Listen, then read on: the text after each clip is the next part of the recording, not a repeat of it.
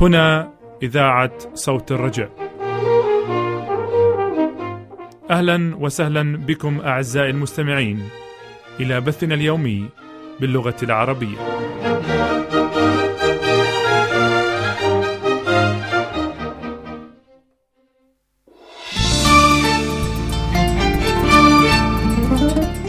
منير سلام ونور كمال يرحبان بكم أعزائي المستمعين من وراء ميكروفونات صوت الرجاء وفي هندسة الصوت أنور عبد المسيح.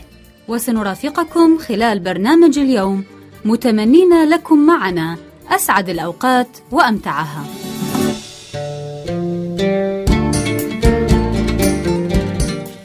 سيتضمن برنامجنا لهذا اليوم دروس من الحياة دروس نتعلمها من واقع الحياة.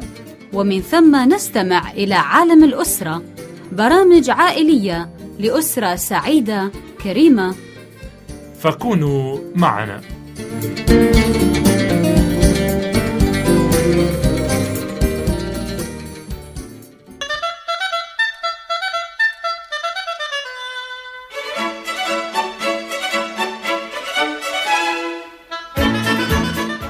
دروس من الحياة. برنامج أسبوعي يقدمه منير سلام.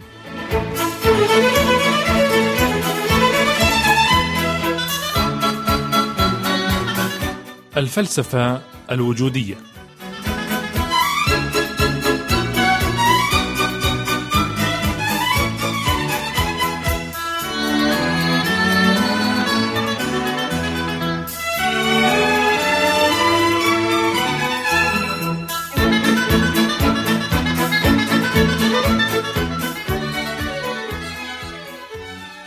أهلا وسهلا بكم أعزائي المستمعين إلى برنامجكم الأسبوعي دروس من الحياة. البرنامج الذي نعالج فيه قضايا مهمة ونستخلص منها عبرا ودروسا لحياة أفضل. وسنعالج موضوع اليوم بإسهاب بعد هذا الفاصل الموسيقي.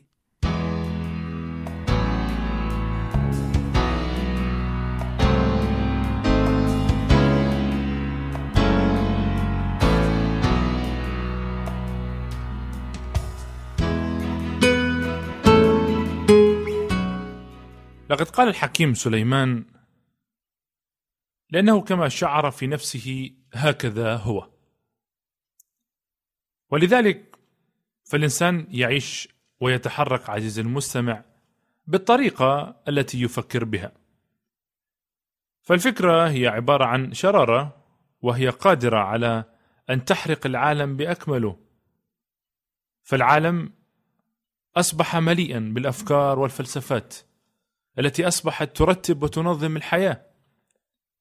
وبالطبع فلكل فلسفة ولكل فكرة في هذا العالم ميزات عديدة جذبت إليها الكثير لاتباعها. ولكن لكل هذه الأفكار عدا واحدة. بالرغم من كل ما فيها من روعة إلا أنه يوجد نقطة ضعف خطيرة على الأقل مما يؤدي إلى نتائج خطيرة لو بنى الإنسان حياته عليها.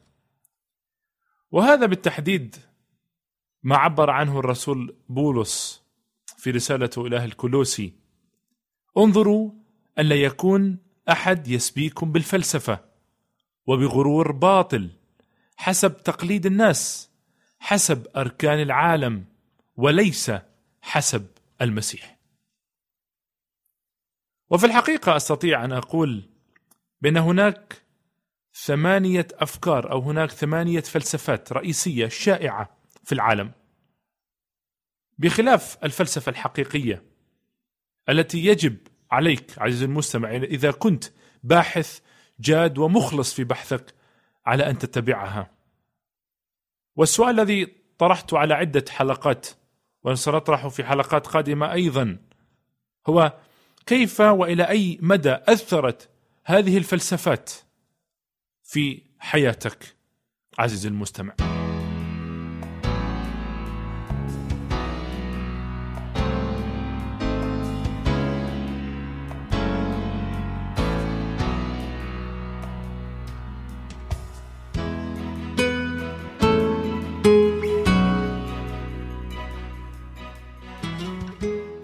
واليوم سنناقش الفلسفة الوجودية. إن الوجودي شخص يبحث عن معنى لوجوده وحياته من خلال وسيلة غير منطقية تسمى قفزة إيمان أو انتقال مفاجئ إلى حالة الإيمان. وتشمل هذه الوسيلة اللا منطقية أشكالا عديدة أكثرها شيوعا هو الممارسات الجنسية أو تعاطي المخدرات أو بعض أنواع من الموسيقى الصاخبة أو الأساليب السحرية المأخوذة عن الشرق. وهم يقولون بأن الشخص الذي يمارس هذا البحث الوجودي اللا منطقي هو وحده الذي يستطيع أن يعرف معنى التجربة الوجودية. ولكن الحقيقة هي أنه لا وجود لما يبحثون عنه. لا وجود له خارج أنفسهم فهم لا يعتمدون في بحثهم على اية وقائع أو أحداث يمكنها أن تشير إلى أن ما يبحثون عنه موجود خارجهم وليس في أعماقهم. والحقيقة عزيزي المستمع هي أن تلك الأساليب المتبعة غير منطقية وغير موضوعية ولا علاقة لها بالهدف. فهذه الأساليب تقود إلى تجارب شخصية لا يمكن نقلها لشخص آخر ولا يمكن كذلك رؤيتها أو الإحساس بها أو وزنها أو قياسها أو تقييمها أو حتى وصفها. ولكنها الذاتية في أقصى صورها. ففي الوجودية يبني كل شخص عالمه الخاص به. عالم لا يعد حقيقيا إلا في نظرة الشخص نفسه فقط. ففي الوجودية لا يوجد بين الناس أي شيء مشترك على الإطلاق. وللأسف بدأ الآلاف من الشباب يؤمنون بأن الحقيقة لا توجد إلا في التجربة الشخصية وبأن الأحداث الإنسانية يجب أن ينظر إليها كحقائق يجب صياغتها في صورة منطقية. فقد أصبح هؤلاء الشباب يعتقدون أن العالم ليس له أي معنى خارج أنفسهم وعقولهم. وكانت هذه هي أسس الفلسفة الوجودية. فالوجودية عزيزي المستمع فلسفة لا يمكن تعريفها. بل أن الوجودي نفسه لا يستطيع شرحها. وسبب ذلك أنها لا تتسلسل في تتابع منطقي مرتب. فالوجودية في أشكالها العديدة لا تعدو أن تكون بحثا يبدو ظاهريا وكأن له معنى من المعاني. وبدليل أننا إذا أخذنا ما يقوله جان بول ستارتر على الشخص أن يحقق وجوده ويضفي على نفسه صفة الشرعيه من خلال القيام بعمل إداري. ليس مهما في أي اتجاه يتحرك إنما المهم أن يتحرك. وهنا تلاحظ عزيزي المستمع أنه بالرغم من أن هذه الأفكار والأساليب تستطيع أن تخلق نوعا من الشبع العقلي الذي قد يدوم لفترة قليلة إلا أنها وبكل أسف تعجز عن تقديم أي راحة أو صفاء أو سلام للضمير. فالإنسان لا يستطيع أن يجد معنى للأشياء من خلال تنحية العقل والمنطق والسير وراء الأحاسيس والعواطف فقط. لذلك عزيزي المستمع في ظل هذه الظروف يتحتم أن تدرب وتنظم عقلك حتى تستطيع أن تواجه هذا الغزو الفكري الفلسفي الجديد.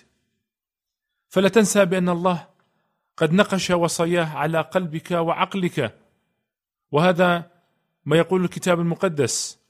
يقول الرب أجعل نواميسي في أذهانهم وأكتبها على قلوبهم وأنا أكون الها وهم يكونون لي شعبا.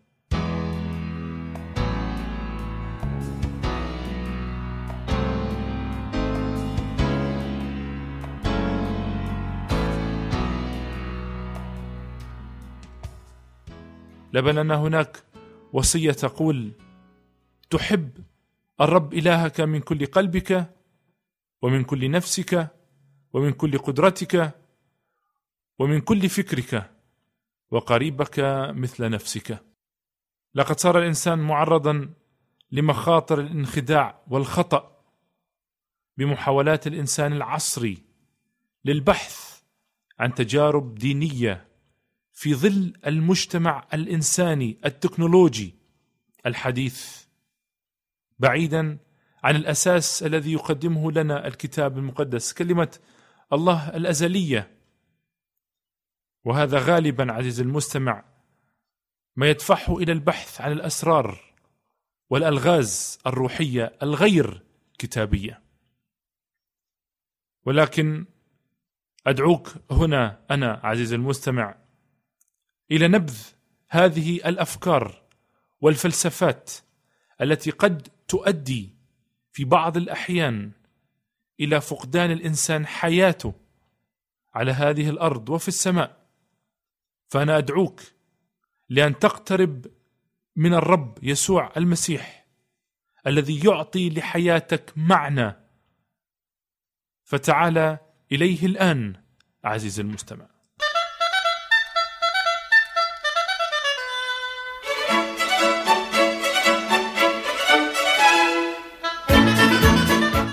قدم لكم منير سلام دروس من الحياة وإلى اللقاء مع درس قادم في حلقة قادمة.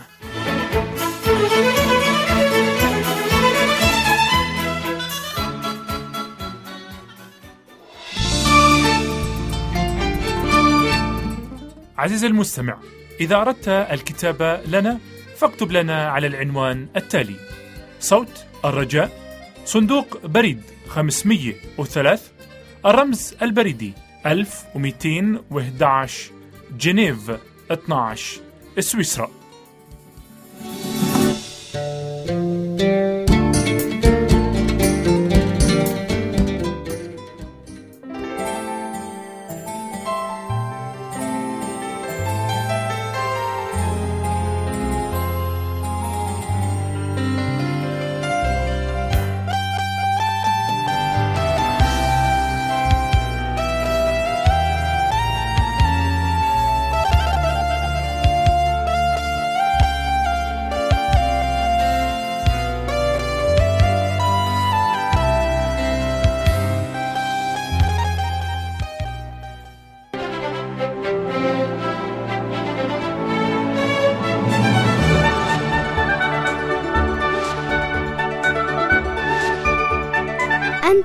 تستمعون لصوت الرجاء.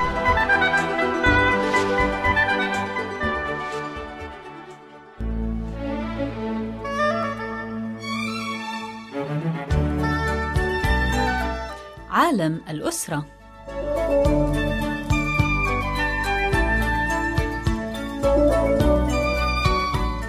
دور العقاب في التربية.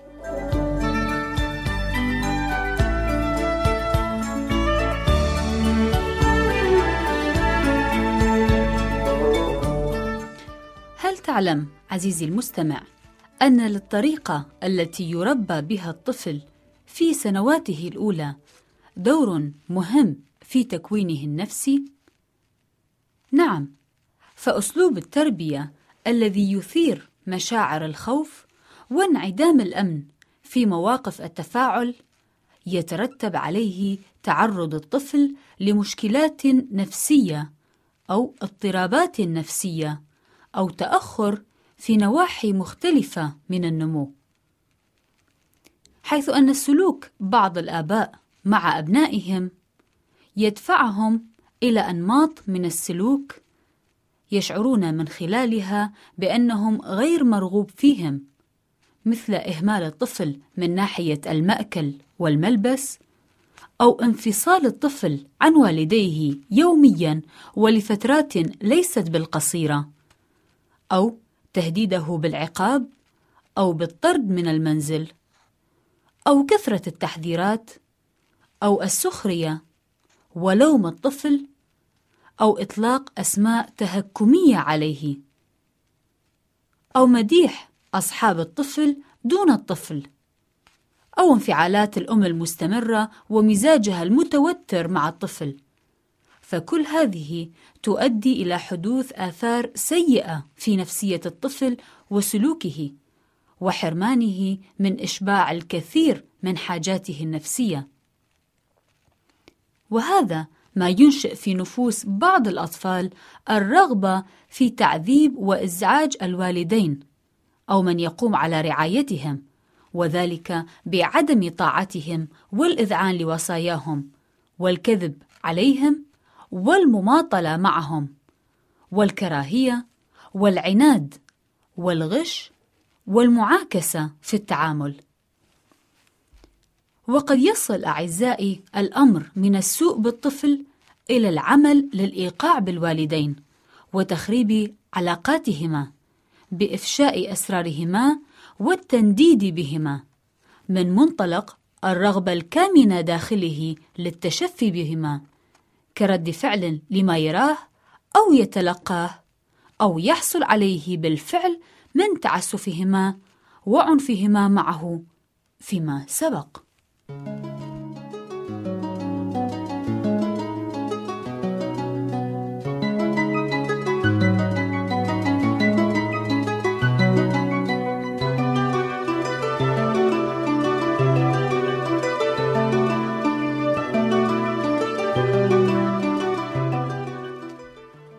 لا يقع أعزائي الطفل والأهل معا في مثل هذه الإشكاليات النفسية.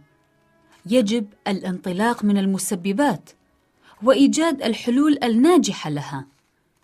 وإليكم عزيزي الأب عزيزتي الأم خطوات العلاج.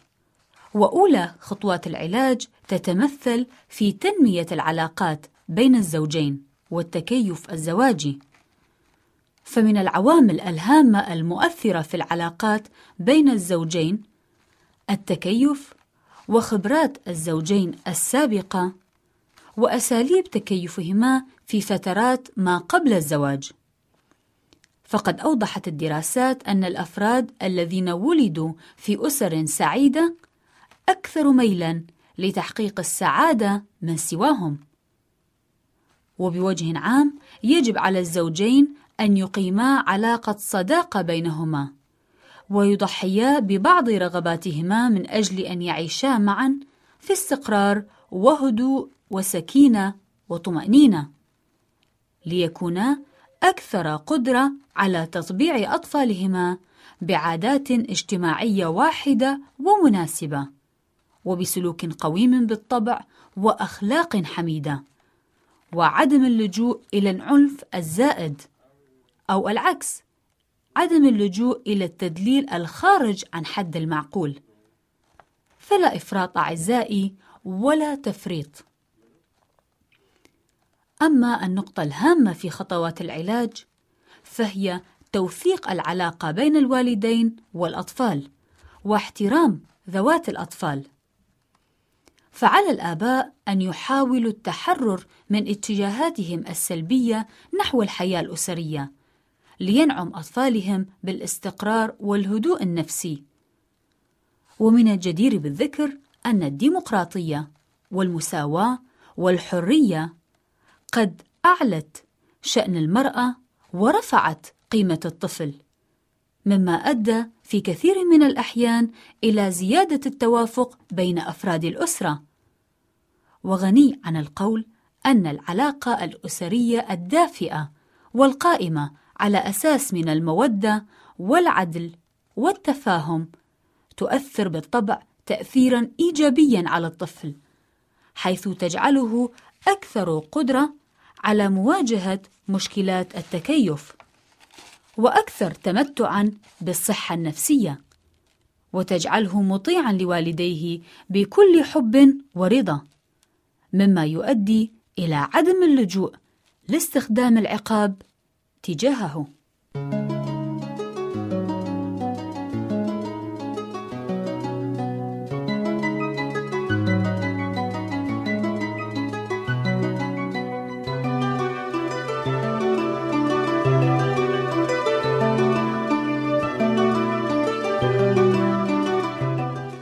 لازلتم أعزائي في الاستماع إلى محدثتكم نور كمال.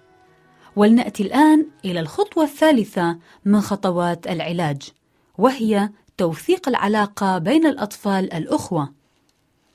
فعلاقة الطفل بوالديه وبخاصة أمه ذات أثر كبير على نموه الاجتماعي والعاطفي. ولكن الطفل لا يبقى على علاقته بأمه فقط بل تتسع علاقاته لتشمل أخوته. وعلاقته بهم ذات أثر كبير في تشكل شخصيته ونموها الوجداني وسواءها النفسي. ويمكننا توضيح ذلك من خلال عرض نقطتين وهو الوضع الترتيبي للأخوة. فالكبير يؤثر في الصغير ويعطف عليه وفي مقابل ذلك يحترم الصغير الكبير وبهذا يسود الود والإخاء بينهم. أما النقطة الثانية فهي علاقة الآباء بالأطفال. فإذا كان الآباء يعاملون أطفالهم بعدل ودون تفرقة فستنعكس هذه المعاملة على الأطفال ويصبحون أكثر ودية بينهم وشعورا بالرضا النفسي. أما الخطوة أو النقطة الرابعة من خطوات العلاج فهي تحسين المستوى الاقتصادي للعائلة. فمن الملاحظ أن الدخل الذي يتلائم مع احتياجات الأسرة يقلل من احتمالات التفكك والصراع والعنف الأسري. وإن العمل ساعات منتظمة يجعل الحياة أكثر توافقًا من العمل ساعات غير منتظمة. الخطوة الخامسة هي الحجم المناسب للأسرة. إن حجم الأسرة المناسب لإمكانياته يساعد على توفير جو من الود والتآلف وإعطاء كل فرد فيها حقه من الرعاية ومن التربية والتعليم بالطرق السليمة بالإضافة إلى توفير الاحتياجات التي يحتاجها الطفل مع الاهتمام به وعدم إهماله واللامبالاة به وبسلوكه وقدراته. سادساً: إيجاد مشاعر الحب والاحترام بين أفراد الأسرة. سابعاً: سيادة العلاقات الديمقراطية والاتفاق على بناء الدور داخل الأسرة. أما النقطة الثامنة والأخيرة أعزائي فهي التوافق الزوجي في العلاقات الخارجية مع الأهل والأصدقاء، وقضاء وقت الفراغ مع الأسرة والأطفال، فيسود الجو العائلي ويطغى على جانب العنف الأسري. عسى أن تكون هذه النصائح عونا لك عزيزي الأب وعزيزتي الأم في الارتقاء بأسرنا ومجتمعاتنا.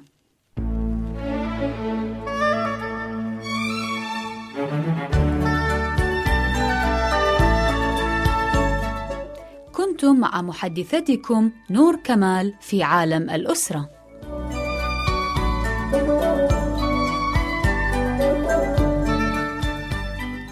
إذا كان لديك عزيزي المستمع عزيزتي المستمعة أي سؤال أو استفسار أو حتى اقتراح فأرجو الكتابة لي شخصيا على عنوان البرنامج الذي ستسمعونه في نهاية البث وسأكون في غاية السرور للإجابة عليها.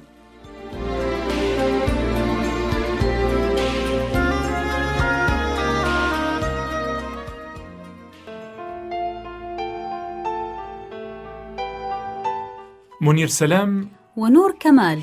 يشكرانك عزيزي المستمع لمرافقتنا خلال برنامج اليوم. وسنكون في غاية الفرح لأن نبعث لك بنسخة من حلقة اليوم أو بنسخة من مطبوعاتنا أو من دروسنا بالمراسلة. وسأكون في غاية الفرح لاستلام أسئلتك واستفساراتك ومقترحاتك وانطباعاتك والرد عليها شخصيا. وإذا ما أردت المزيد من المعلومات بشأن برامجنا باللغة العربية فاكتب لنا على العنوان التالي. عنواننا هو صوت الرجاء صندوق بريد 503 الرمز البريدي 1211 جنيف 12 سويسرا. نعيد العنوان باللغة العربية. صوت الرجاء صندوق بريد 503 الرمز البريدي 1211 جنيف 12 سويسرا. والرجاء كتابة العنوان باللغة الإنجليزية على النحو التالي. Voice of Hope P.O. Box 503 CH 1211 جنيفا 12 سويسرلاند ولك منا من وراء ميكروفونات صوت الرجاء أرق وأحلى سلام. ولك من مهندس الصوت أنور عبد المسيح نفس المحبة والترحيب. وإلى اللقاء مع برنامج قادم وليكن الرب معكم.